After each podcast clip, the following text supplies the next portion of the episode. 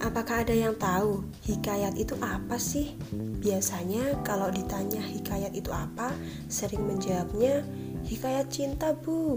Nah, kenapa ya harus ada cintanya di belakang? Padahal hikayat itu nggak melulu tentang percintaan loh.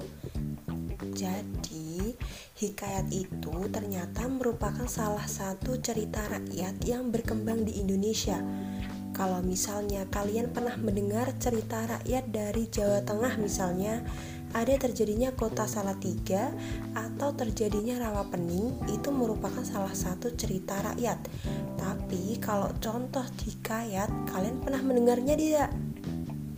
Nah sebenarnya kenapa sih kalian harus mempelajari cerita tentang hikayat?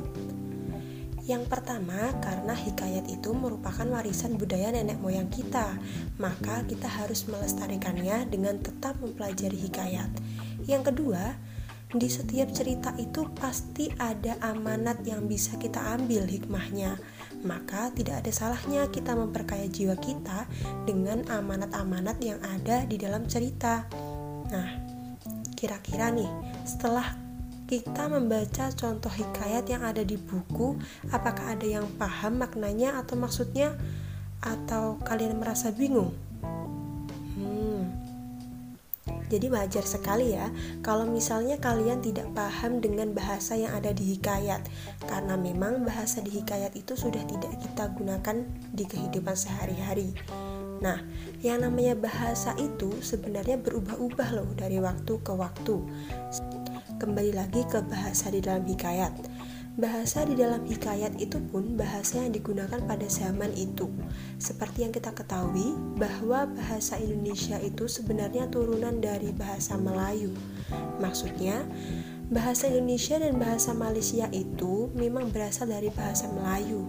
Hanya saja bahasa di hikayat itu ternyata lebih tua lagi dari bahasa orang Malaysia saat ini karena bahasa di hikayat itu merupakan bahasa Melayu klasik.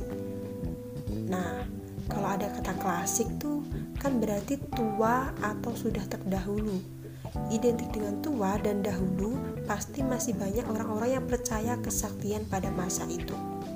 Nah, jadi, pengertian dari hikayat adalah cerita yang masih menggunakan bahasa Melayu klasik yang khas dan menonjolkan kemustahilan serta kesaktian tokoh-tokohnya.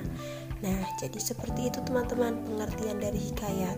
Cerita yang masih menggunakan bahasa Melayu klasik yang khas dan menonjolkan kemustahilan serta kesaktian tokoh-tokohnya. Oke, sekian pembahasan mengenai pengertian dari hikayat. Tetap simak dan stay di podcast Nesia untuk pembahasan selanjutnya.